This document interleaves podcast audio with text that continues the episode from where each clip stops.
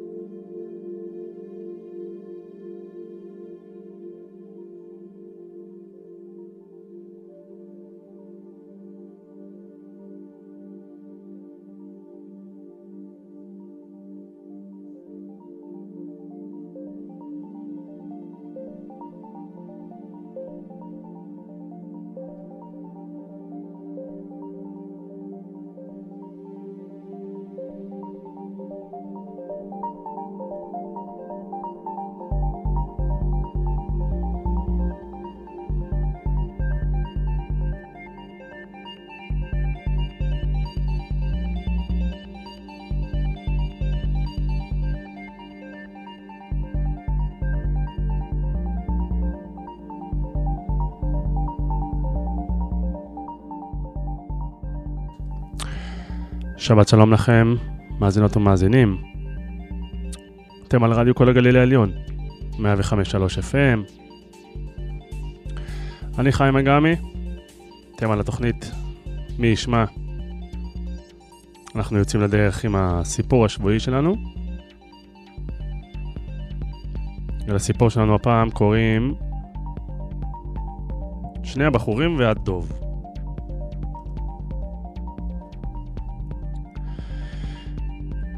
שני בחורים נדדו יחדיו במרחביו של יער. פתאום ראו דוב מסתער לעברם. אחד משני הנוודים פסע לפני חברו ומיהר לאחוז בענף של עץ. הוא הסתתר בזריזות בין העלים כך שלא היה אפשר להבחין בו, אבל ברגע שהנווד האחר נוכח לדעת כי חברו אינו מתכוון לעזור לו, הוא נחפז להשתרע לכל מלוא אורכו על הארץ, כשפניו טמונים באפר. הדוב ניגש אליו, קירב את פיו אל אוזנו ורחרח, ואולם בסופו של דבר נד בראשו. השמיע קול נהמה והמשיך בכבדות בדרכו, מאחר שדובים אינם נוהגים לגעת בבשרו של מת. הבחור שטיפס על העץ ירד אל חברו, צחק ואמר, מה לחש לך אדון דוב באוזן? הוא אמר לי, השיב לו האחר, מוטב לא לבטוח בחבר הנוטש אותך בשעת צרה.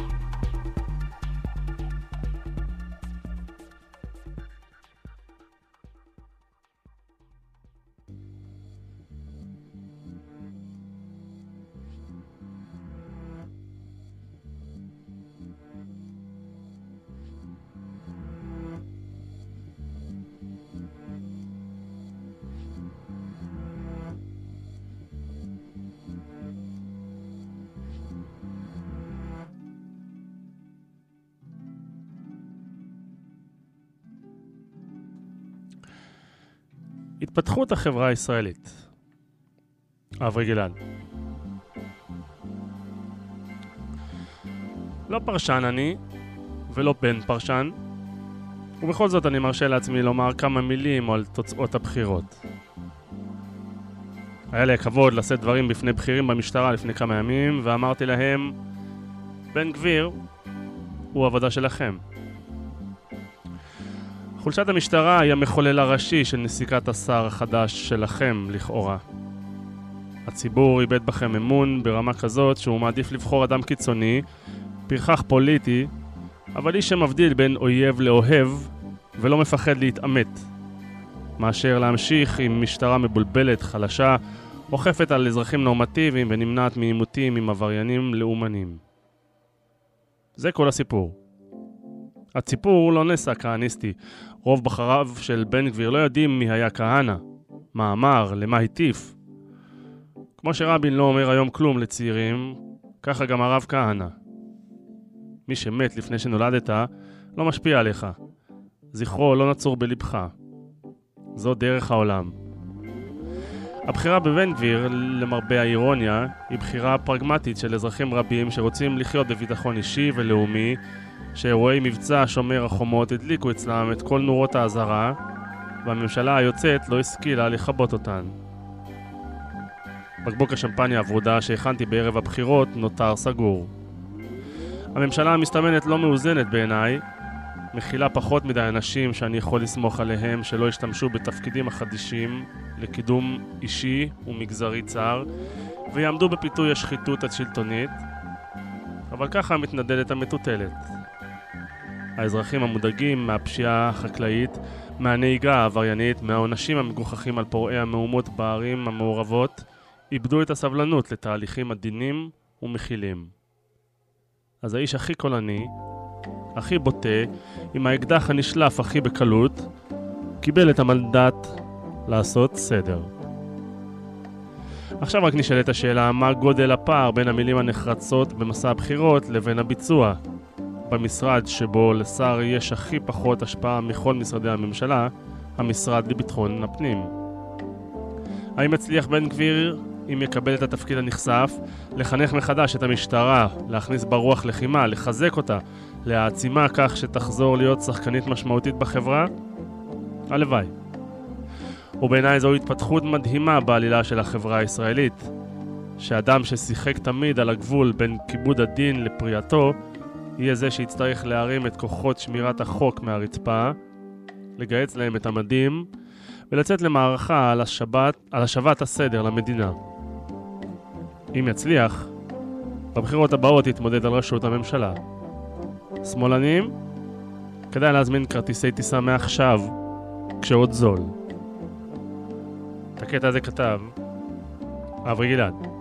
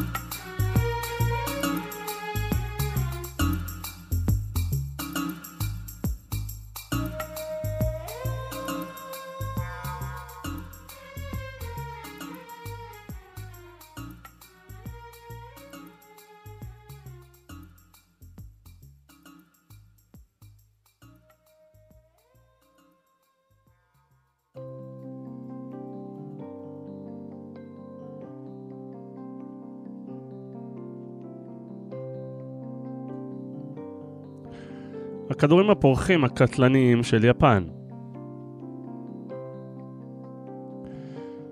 הכומר ארצ'י מיטשל הבטיח יום של פינוק לאשתו אלסי. לשניהם נמאס לקרוא בעיתון על המלחמה במזרח הרחוק. בשבת, חמישה במאי 1945, הציע ארצ'י שישכחו ליום אחד את המציאות ויצאו לפיקניק בהרים שבדרום אורגון. אלסי הייתה מאושרת ושמחתה גברה עוד יותר כשהציע ארצ'י שיקחו איתם חמישה ילדים מן הכנסייה המקומית שלהם. אלסי הייתה בהיריון מתקדם, והרעיון לקחת את הצעירים לבילוי מיוחד משך את ליבה.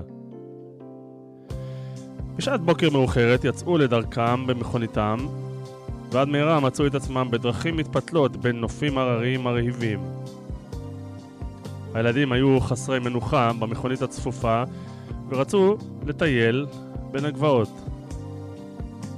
ארצ'י הציע שאלסי תלך איתם ברגל אל נחל לנארד, מקום ידוע ביופיו, ואילו הוא ינהג לשם במכוניתו ויתחיל בהכנת ארוחת הצהריים. הילדים היו מאושרים, נפנפו לו לשלום ויצאו לדרכם אל תוך היער.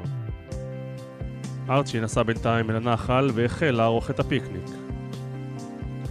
הוא הוציא את הכריכים מעטיפותיהם כששמע את קריאותיהם של כמה מן הילדים. בנשימה נעתקת מרוב התרגשות, סיפרו הילדים שמצאו כדור פורח מוזר מוטל על הארץ לא הרחק משם. ארצ'י הזהיר אותם שלא ייגעו בו, מחשש שהוא מסוכן, והבטיח לבוא ולבדוק את הכדור הפורח, מיד לאחר שיסיים להכין את הפיקניק. הוא התכונן לגשת לראות מה הדבר שמצאו הילדים, כשפתאום רעדה האדמה תחתיו בפיצוץ אדיר. שורה של גלי הלם טלטלו בחוזקה את השיחים ומילאו את האוויר באבק. עמוד עשן שחור התעמר מעל העצים. ארצ'י מיהר אל מקום הפיצוץ ומצא את העצים חרוכים וקרועים לגזרים.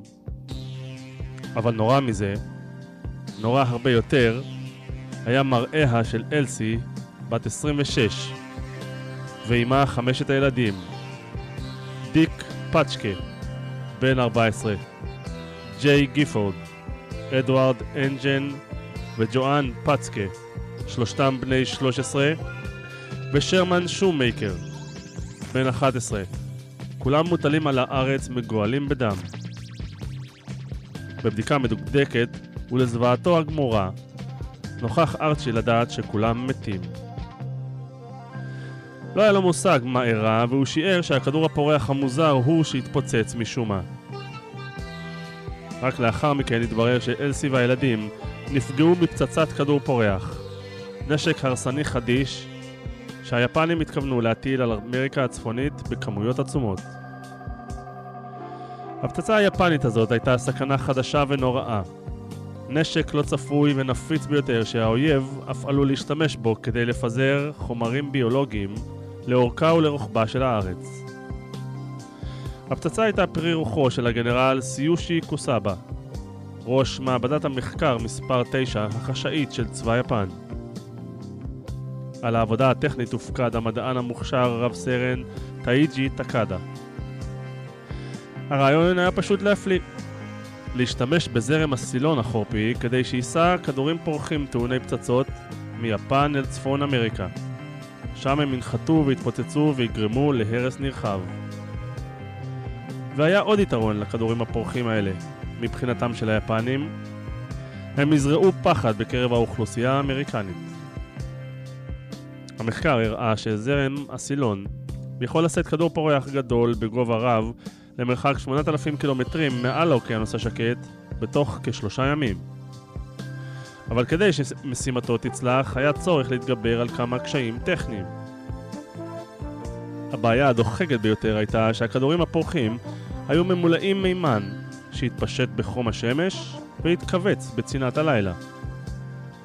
כדי למנוע זאת, היה צורך להתקין בהם מדי גובה מיוחדים, שתוכנתו להשליך זבורית עם הכדור מנמיך יתר על המידה. לאחר שהאב טיפוס נוסע בהצלחה, יצא המבצע לדרך. היה לכדורים הפורחים פוטנציאל הרס אדיר. כל אחד מהם נשא פצצת תבערה גדולה וכן מטעני נפץ שיכלו לזרוע חורבן בערים וגם, בימי הקיץ החמים והיבשים, להבעיר יערות. בשבוע הראשון של נובמבר 1944 יצא לדרך קל גל הפצצות הראשון. המדען הראשי טקדה נכח בשעת ההמראה. דמות הכדור נראתה לעין דקות אחדות בלבד אחרי שחרורו, סיפר טקדה לימים. ואז הוא הלך ונמוג והיה לנקודה קטנה בשמיים הכחולים, כמו כוכב שנראה בשעות היום. הכדורים הפורחים בגל הראשון נחתו והתפוצצו בשטחיהן של 17 מדינות, וכמה מהם הרחיקו עד אלסקה, טקסס, מישיגן וקליפורניה. הגנרל קוסאבה קיווה שלפחות עשרה אחוזים מן הכדורים הפורחים יגיעו אל יעדיהם, ומכיוון שהיו יותר מתשעת אלפים בקו הייצור, היה בהם משום איום של ממש על ארצות הברית. עד מהרה עמדה אמריקה על הסכנה החדשה הכרוכה בפצצות ההרסניות האלה, שנפלו בלי התראה, ופגיעתן הייתה אקראית.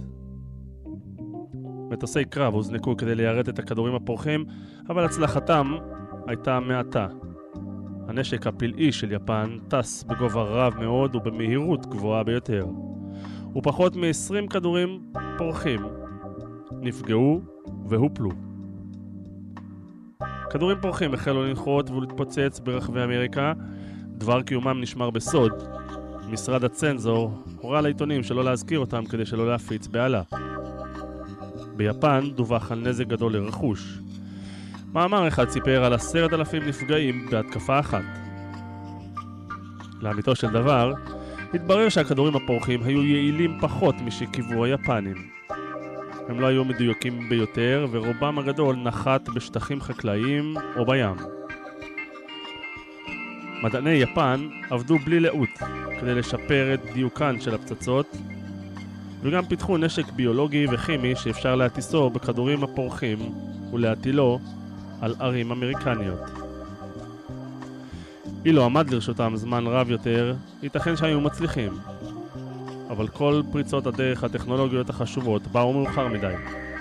המלחמה כמעט הסתיימה, ויפן עצמה עמדה להיות מטרה לנשק הרסני חדש. ככל הידוע, ההרוגים היחידים מפצצות הכדורים הפורחים של יפן היו אלסי מיטשל וחמשת תלמידי בית הספר שיצאו איתה לפיקניק. חייו של ארצ'י נהרסו. הוא איבד את אשתו, את תינוקו שלא נולד, ואת בני עדתו הצעירים. אבל תלאותיו עדיין לא תמו. ב-1960, כששירת בווייטנאם בתור מיסיונר, נפל בשבי הווייט קונג. הוא נעלם, בלי להשאיר עקבות, ולא נראה עוד, לעולם.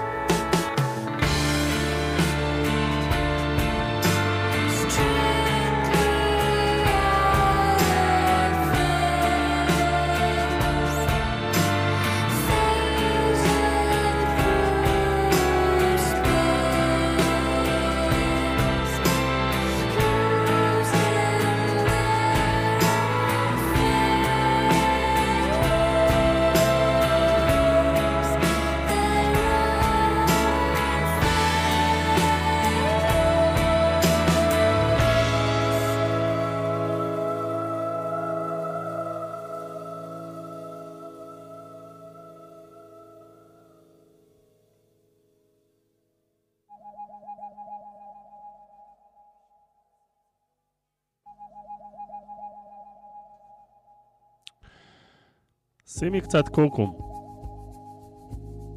ענת גביש, פרק החיים בבית. נוסעים באוטו, והמקומות הכי יפים בעולם פרוסים מתחתנו ומעלינו. הקטנה קוראת מחשבות בחופשיות ומכריזה מאחור נראה לי שהכנרת הרבה יותר גדולה מהאוקיינוס. אבא מסתכל עליי בזהירות ולא עונה. אני מהמהמת אליה בהסכמה לא מחייבת. עובדות, זה ממש לא הקטע, כשצודקים. והיא, במסגרת לימודי המתמטיקה שכפתה עלינו, ממשיכה בקו יותר מיינסטרימי.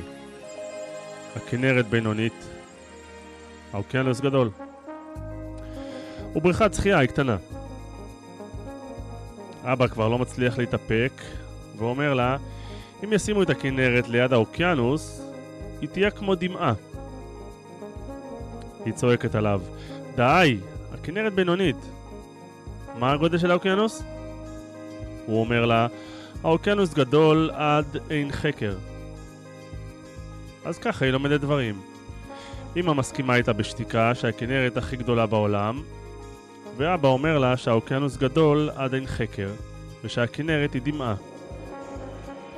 לפעמים מספיק להצליב את ההתפעמות שלך ממשהו עם ההתפעמות של מישהו אחר ממנו.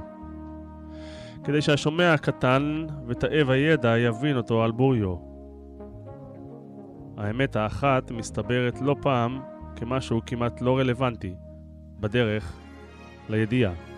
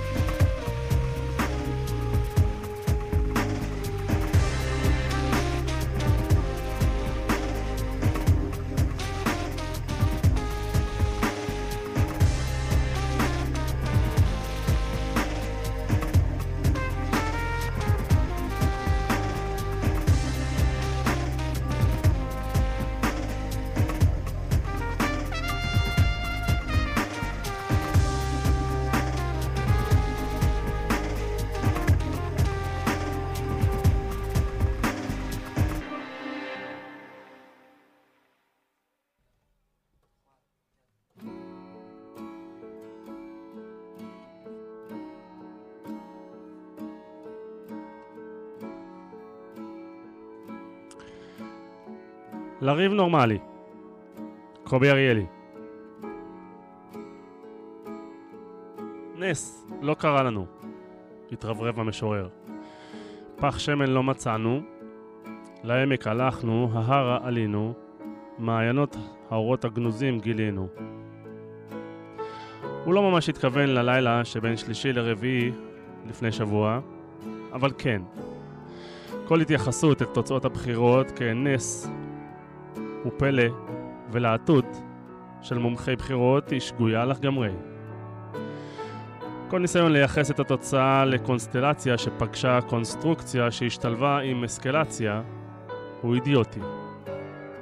נס לא קרה לנו. אין שום דבר לא טבעי בתוצאה. אלה הן תוצאות האמת במרכאות, במובן הפשוט של המילה. תוצאות המשקפות מציאות אמיתית. למרבה האכזבה, גם הפעם, כמו בשלל מערכות בחירות קודמות, לא כולל ארבע האחרונות, התקיים והונצח כלל האצבע הנודע, הקובע שהגוש המנצח הוא הגוש שיש לו הכי הרבה מצביעים. מפתיע, אבל המציאות הפשוטה הבסיסית הזו, שאם היינו חברה נורמלית, היינו אמורים להסתגל אליה בטבעיות, קועקעה לגמרי בארבע השנים האחרונות. אם אתם קוראים את הטור הזה באופן קבוע, אתם כבר יודעים מה אני רוצה לומר. היא קועקעה בגלל התרגיל במרכאות. בין 2017 ל-2020 נכנס לחיינו תרגיל פוליטי ערמומי, מיותר ולא מוצדק, שקרע אותנו מבפנים. הדגיש וחידד את כל חילוקי הדעות, מחק את המרכז הישראלי ואת כל האזורים האפורים, והעמיד את הכל על שאלת יסוד שגויה אחת, שסביבה, ורק סביבה, ניתן היה לייצר תיקו. אני מתכוון כמובן לתרגיל ששם את שאלת נתניהו במרכז ואת דמותו בלב הקונפליקט. זה היה תרגיל נורא. לרגע הוא אפילו הצליח, ולפני שבוע הוא גבה וייאסף אל עמיו. כך נאה וכך יאה. ועכשיו, עכשיו חזרנו לזירה הנורמלית. זירה שבה יש רוב ומיעוט, אבל יש גם ליבה מאחדת שאין בלתה. זה אולי מוקדם מדי וצריך לתת קצת זמן לרגשות לבעבע, לזעם להתנקז ולדם הרותח להירגע, אבל המשימה העיקרית היא לחזור לריב נורמלי. כזה, שאין בו תרגיל. זו דרישה מיידית. מהצד המפסיד, כמובן, שלא יעלה בדעתו לצאת לרחובות ולהמשיך עם הפרשה הזו. אבל זו דרישה לא פחות קריטית מהצד המנצח. זה שהשיב עטרה ליושנה ושהצליח למחות את כתם התרגיל, שלא יעוף על הניצחון. שיצליח לשכוח מהתרגיל הזה ושיתאמץ להכיל את הכאב והפחד של הצד השני. גם אם מקור הפחד הוא בהסתה, וכל שכן עם יסודו ברגשות אמיתיים מהבית. זה הפרויקט של כל ימני עכשיו. עד ליום שלישי זה גם היה נכון, אבל פחות רלוונטי. מפני שזו פריבילגיה של מנצחים. להיות ער לכאבו של היריב, במיוחד כי מדובר בבן משפחה. את הקטע הזה כתב קובי אריאלי.